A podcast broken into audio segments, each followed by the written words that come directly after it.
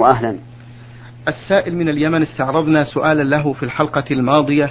بقي له هذا السؤال. يقول فضيلة الشيخ وجدت في إحدى القرى أناس يضعون قطعة جريد بجانب الميت آه، بدعوى أنها تلين من جسد الميت وفوق القبر يوضع قارورة مملوءة بالماء والحبوب فما حكم عملهم هذا مأجورين؟ الحمد لله رب العالمين. وأصلي وأسلم على نبينا محمد وعلى آله وأصحابه ومن تبعهم بإحسان إلى يوم الدين. الله أعلم أنه يريد أنهم يجعلونها في القبر. هذا الذي يظهر. وعلى كل نقول وضع الجريدة مع الميت في القبر أو في الكفن أو على القبر بعد الدفن كل ذلك من البدع. طيب. التي ينهى عنها. وهي لا تنفع الميت. ومن زعم من الناس أن وضع الجريدة على القبر بعد الدفن له أصل في السنة وهو ما أخرجه البخاري وغيره عن ابن عباس رضي الله عنهما أن النبي صلى الله عليه وعلى آله وسلم مر بقبرين في المدينة فقال إنهما لا يعذبان وما يعذبان في كبير أي في أمر شاق عليهما نعم. عليهما أما أحدهما فكان لا يستنزه من البول وأما الآخر فكان يمشي بالنميمة. ثم أخذ, أخذ جريدة رطبة فشقها نصفين. فقالوا يا رسول الله لما صنعت هذا؟ قال لعله يخفف عنهما ما لم ييبسا قالوا فهذا النبي صلى الله عليه وسلم بين أنه يخفف العذاب عن هذين الرجلين ما لم ييبسا فلنضع جريدة الأطبع على الميت يخفف عنه العذاب؟ فنقول هذا بدعة. لأن النبي صلى الله عليه وعلى آله وسلم لم يضعها على كل قبر وإنما وضعها على قبرين كشف له أنهما يعذبان. ووضع الجريدة على الميت على القبر يعني أن القبر يعذب أن صاحب القبر يعذب. وهذا سوء ظن. بالميت ورجم بالغيب. فنحن لا نعلم هل يعذب أو لا. لذلك ينهى عن هذا من وجهين. أولا أنه بدعة والثاني أنه إساءة ظن بالميت بل والثالث أنه رجم بالغيب. أما الأمر الثاني العجيب الذي ذكره السائل وهم أن وهو أنهم يضعون جرة ماء ومع وحولها حبوب. فلعلهم يريدون أن يفطر بها الميت في الصباح كل صباح. ربما يظنون هذا. وهذا غلط غلط عظيم. هذه هذا عبث ولا فائدة منه إطلاقا. ولا علمنا أحدا قاله. والواجب على هذا الأخ الذي رأى أهل هذه القرية طيب. أن أن يكون نصحهم. وبين لهم أن هذا بدعة وعبث. وسفه. ولعله فعل ذلك لكن لم يذكره في السؤال. نعم، فإن كان قد حصل فهذا المطلوب وعليه أن يتابع ويخرج إليهم وينظر هل كفوا عن هذا أم لا. وإن لم يكن فعل أي لم ينصحهم فلينصحهم. فلعل الله أن يهديهم على يده فيكون له في ذلك خير. نعم. فضيلة الشيخ تدريس العقيدة أمر مهم فماذا يجب على طلاب العلم والدعاة إلى الله حيال ذلك؟ الواقع يا أخ عبد الكريم نعم. أن الناس عندهم جهل كثير في العقيدة وغير العقيدة. لكن الحمد لله بشرى. الناس عندهم إقبال الآن على العلم. طيب. وبعضهم عنده إقبال زائد يغالي. حتى في العقيدة يتكلم في أشياء ما تكلم بها السلف. يريد إثباتها. لكن على طلبة العلم أن يكلموا الناس بحسب الحال. فمثلا إذا رأينا أهل قرية آه، انحرفوا في العقيدة نركز على العقيدة ونبحث فيها بحثا قويا. وإذا رأينا آخرين آه، فرطوا في في في صلاة الجماعة تكلمنا في الجماعة. يعني تكون الدعوة والإلحاح فيها على حسب ما تقتضيه الحال. قال الله عز وجل ادع إلى سبيل ربك بالحكمة والموعظة الحسنة وجادلهم بالتي هي أحسن. آه، فمثلا إذا رأينا أناسا يقيمون الصلاة كما ينبغي وعندهم تفريط في الزكاة فهل نركز على الصلاة لأنها أهم من الزكاة؟ أو نركز على الزكاة لأنهم مفرطون فيها؟ الجواب الثاني ما نذهب نتكلم في الصلاة وهم قد أقاموها كما ينبغي. فلكل حال مقال. طيب.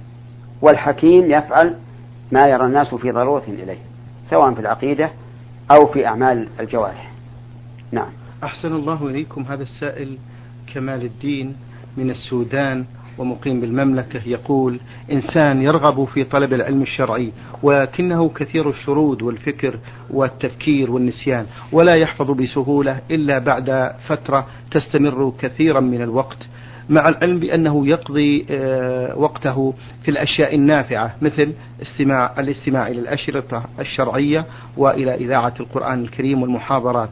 فبماذا توجهون مثل هذا مأجورين؟ بأي شيء يبدأ بالكتب؟ آه، أقول الأخ لا ييأس من رحمة الله وليثابر على طلب العلم والشروط الذي يحصل له قد يرده الله عز وجل. وأنصحه أولا أن يبدأ بكتاب الله عز وجل. طيب يحفظه ثم يتدبره ليعرف معانيه ثم يعمل به.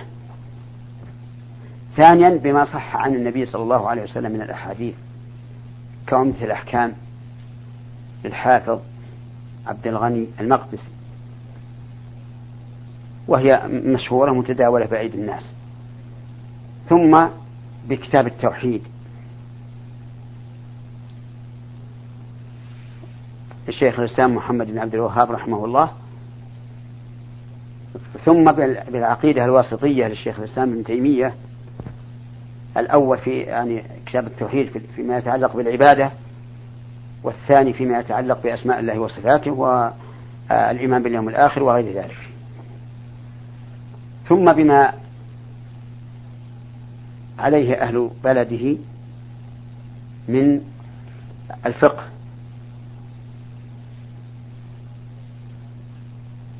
وليختر من العلماء من كان أوسع علما وأتقى لله عز وجل.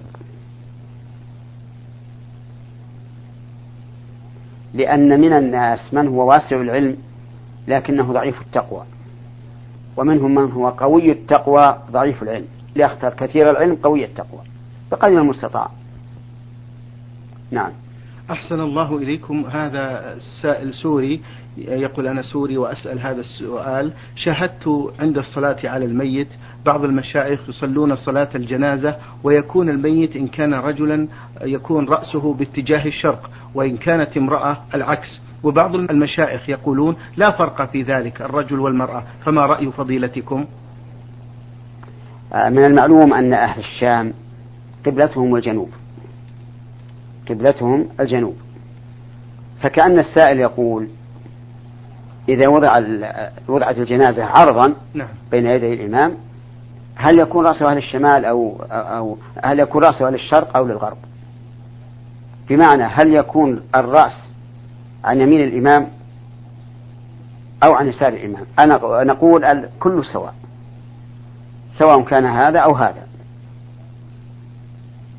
ولكن الأفضل أن تحديد موقف الإمام.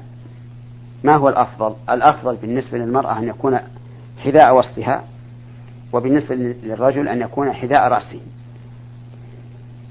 نعم. أحسن الله إليكم. يقول بعض الناس يعملون وليمة ويدعون إليها الأقارب والجيران ويقولون هذا عشاء للأموات. هل يصل هذا الثواب؟ وما رأي فضيلتكم في هذا العمل؟ رأيي أن خيرا من ذلك أن يتصدق بالدراهم على الفقراء. لأن ذلك أنفع للفقراء. أما هذه الوليمة التي تجعل كوليمة فرح ويدعى إليها الأصحاب والأقارب فهذه وإن كان فيها خير لكن الصدقة أفضل منها. ثم إني أقول الأموات بحاجة إلى شيء أهم من ذلك وهو الدعاء. نعم. والدعاء أنفع لهم. ولهذا قال النبي صلى الله عليه وعلى آله وسلم إذا مات الإنسان انقطع عمله إلا من ثلاث صدقة جارية أو علم ينتفع به أو ولد صالح يدعو له. ولم يذكر الصدقة له ولا الصيام عنه ولا الصلاة له ولا الحج عنه. بل عدل عن ذلك إلى ذكر الدعاء. فنصيحتي لإخواني إذا كانوا يريدون أن ينفعوا أمواتهم أن يدعوا لهم. وأما الأعمال الصالحة فليجعلوا ثوابها لهم. لأنهم هم سيحتاجون إلى إلى إلى الثواب. فليسترشدوا بإرشاد النبي صلى الله عليه وعلى آله وسلم ولا تأخذهم العاطفة. فيحرموا أنفسهم من العمل ويجعلوه للأموات مع أن هناك طريقا خيرا من ذلك وهو الدعاء للميت. نعم. أحسن الله إليكم يقول السائل في آخر أسئلته إذا كان الرجل عاجز بسبب بتر رجليه الاثنتين ولديه أولاد صغار ولكن هذا الرجل لا يصلي أبدا فما رأي فضيلتكم إذا أعطيته من الزكاة أو الصدقة؟ إذا كان لا يصلي أبدا فإنه لا يعطى من الزكاة ولا من الصدقة أيضا. لكن إذا كان له عائلة فإن العائلة يعطون. إما أن يأتي بأطعمة وألبسة لهم وهذا من من غير من غير الزكاة. وإما أن يعطي من الزكاة أمهم التي تليهم وتتولى أمورهم. وأما أبوهم فلا حرمة له ولكني أقول لماذا لا ينصح هذا الأب؟ ويقال له ترك الصلاة كفر. هل ترى أن تكون مع, فرعون وهامان وقارون وأبي بن خلف يوم القيامة؟ هل ترضى أن تكون خارجا عن دائرة المسلمين؟ أظنه يقول لا أرضى. فلينصح هذا الرجل. وليبين له خطر ترك الصلاة لعل الله يهديه.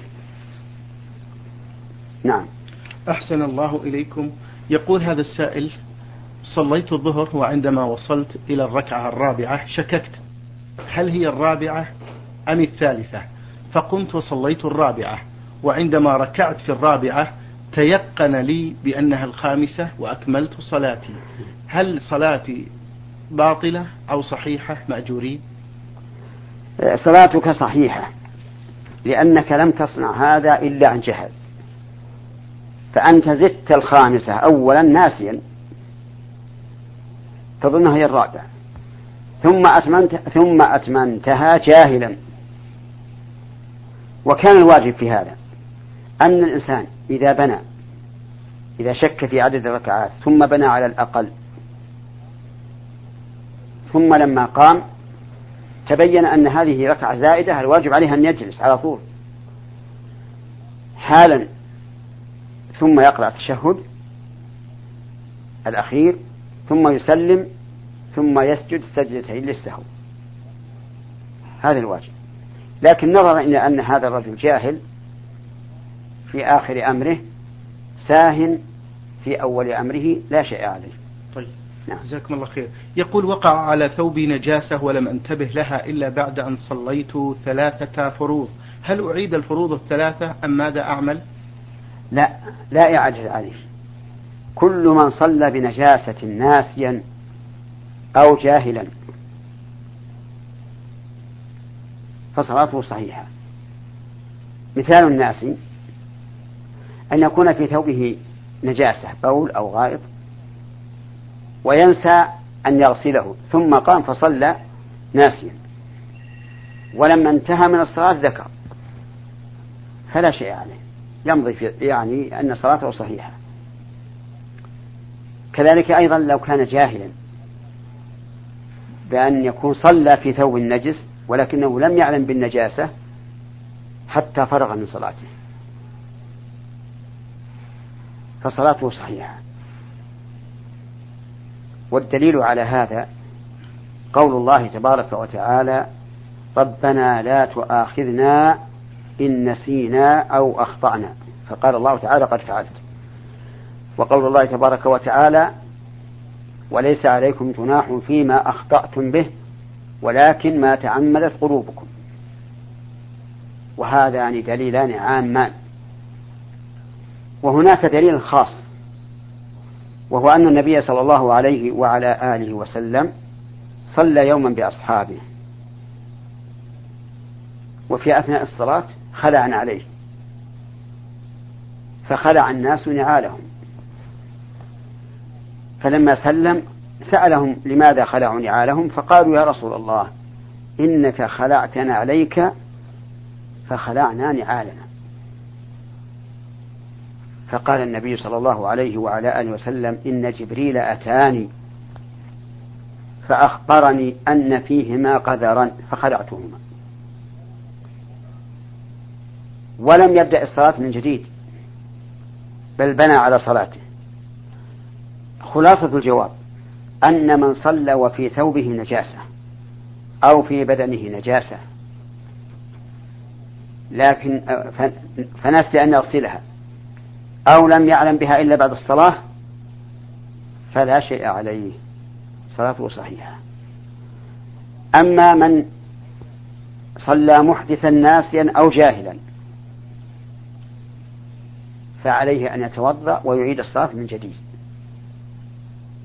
مثال ذلك في الجاهل رجل أكل لحم إبل وهو لم يعلم أنه لحم إبل فصلى.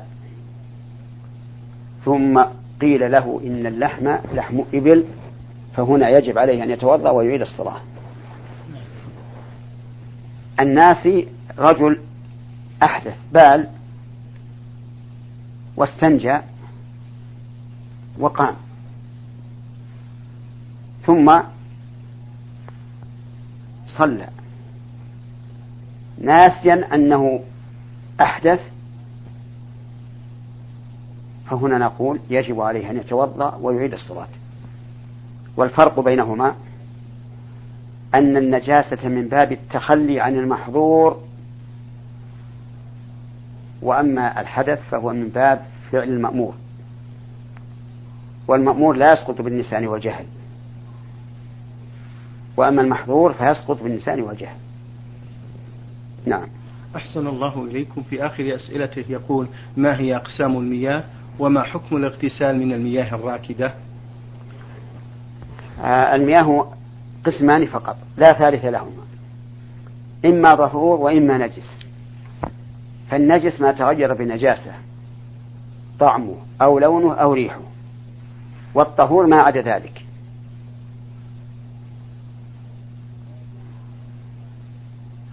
ويجوز الاغتسال في الماء الراكد. لكن الأفضل ألا ألا ينغمس فيه. ولكن يأخذ بيديه ويغتسل خارج الماء. يعني خارج مجمع الماء. هذا إذا كان الماء راكدا لا يصب فيه شيء كالغدران في البر. وأما إذا كان يأتيه ماء آخر ويتجدد كماء البراك في البساتين فهذا لا بأس به كذلك أيضا إذا كان الماء كثيرا كماء البحار وماء الأنهار فلا بأس أن يغتسل الإنسان في في نفس الماء وهنا سؤال نعم.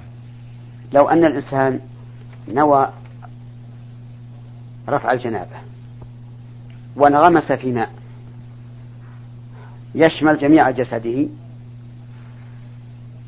وخرج وتمضمض واستنشق. فهل يجوز أن يصلي بدون وضوء؟ وجواب هذا السؤال أن نقول نعم. يجوز أن يصلي بغير وضوء لأنه فعل ما أمر الله به وهو قول الله تعالى وإن كنتم جنبا فاطهروا ولم يذكر وضوءا. لكن لا بد من المضمضة والاستنشاق لأنهما في حكم الظاهر أي لأن الفم وداخل الأنف في حكم الظاهر فلا بد منهم من المضمضة والاستنشاق. لكن لا شك أن الوضوء أن الغسل الكامل أن يتوضأ الإنسان أولا وضوءا كاملا ثم يغتسل فيفيض الماء على رأسه ثلاث مرات ثم على سائر جسده. نعم. أحسن الله إليكم. يقول هذا السائل في سؤاله في هذه الرسالة المطبوعة عندما أتبول وأستنجي بالماء أحس بقطرات تخرج من مني وهذا مما يضايقني عند أداء الصلوات وهذه القطرات تستمر لفترة. هل الماء يقطع الشك باليقين. أفتون في هذا السؤال علما بأنني سئمت وضاق صدري بسبب هذا. أرجو منكم الإجابة. آه السائل يقول أحس بقطرات ومجرد الإحساس ليس بشيء. طيب شيخ. ولا ينبغي أن يلتفت, أن يلتفت إليه بل يتلهى عنه ويعرض. أما إذا تيقن أنه يخرج شيء فنعم لا بد أن يغسل ما أصاب ثوبه أو بدنه من هذا البول وأن يعيد الوضوء.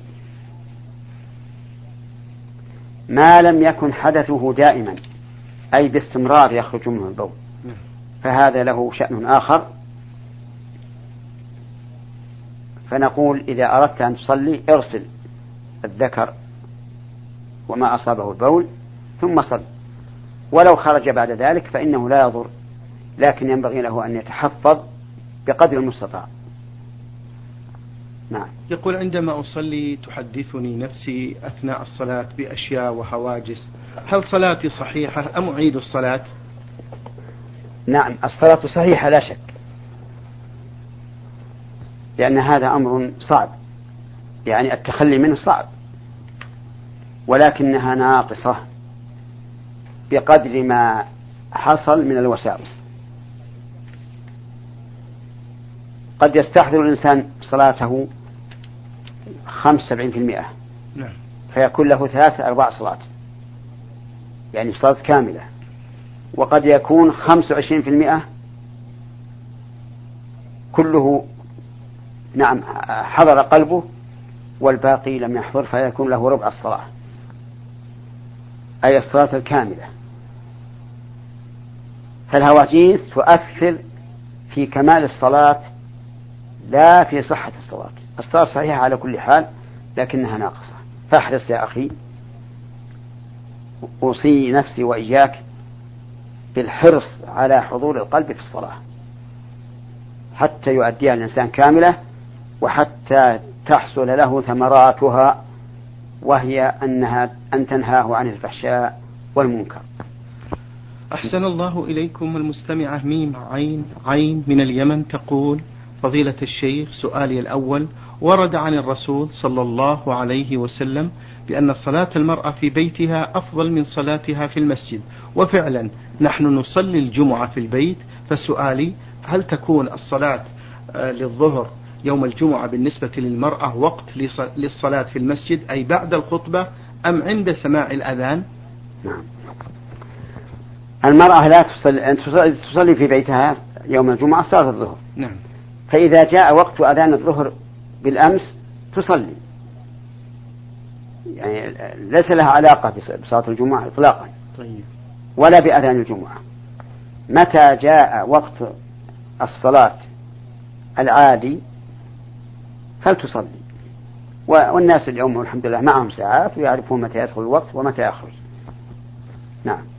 تقول السائلة امرأة نذرت صيام أسبوع إذا حقق الله لها آه، أمرا من أمور الدنيا. وفعلا تحقق لها هذا الأمر. وفعلا وفت بنذرها. فالسؤال هل يكتب لها أجر على صيامها لهذا وتزيد حسناتها بذلك الصيام أم لا؟ لأن صيامها كان من أجل تحقيق أمر من أمور الدنيا. نعم. هي تؤجر على وفائها بالنذر لكن لا تؤجر على نذرها. لأن النبي صلى الله عليه وعلى آله وسلم نهى عن النذر وقال إنه لا يأتي بخير وقال إنه لا يرد قضاء وكثير من الناس مع الأسف إذا حصل له مرض أو لأحد من أقاربه أو أصحابه قال لله علي نذر إن شافاني الله أو شفى الله مريضي أن أصوم شهرا أو أن أتصدق أو أن أتصدق, أتصدق بكذا أو ما أشبه ذلك. هذا غلط. فهل الله عز وجل لا يكشف السوء إلا بشرط؟ كلا والله. النذر لا يرد قضاء. إن كان الله قد قضى على هذا المريض أن يموت مات ولو نذر نذر له أي نذر لشفائه. وإن كان الله قد قضى عليه بالشفاء شفي وإن لم ينذر له. فالنذر كما قال النبي صلى الله عليه وعلى آله وسلم لا يرد قضاء ولا يأتي بخير ونهى عنه. ولهذا مال بعض أهل العلم إلى تحريم النذر وأن الإنسان يجب عليه أن يمسك. والقول بأنه حرام قول قوي وليس ببعيد. أولا لأن النبي صلى الله عليه وعلى آله وسلم نهى عنه. ثانيا أن الإنسان إذا زالت عنه النقمة أو حصلت له النعمة ينسبها إلى نذره. يقول لما نذرت جاب الله لي الخير أو لما نذرت شفى الله مريض. لا ينسبها إلى فضل الله. وهذه مسألة عظيمة. ثالثا أن الناذر ما أسرع ما يندم.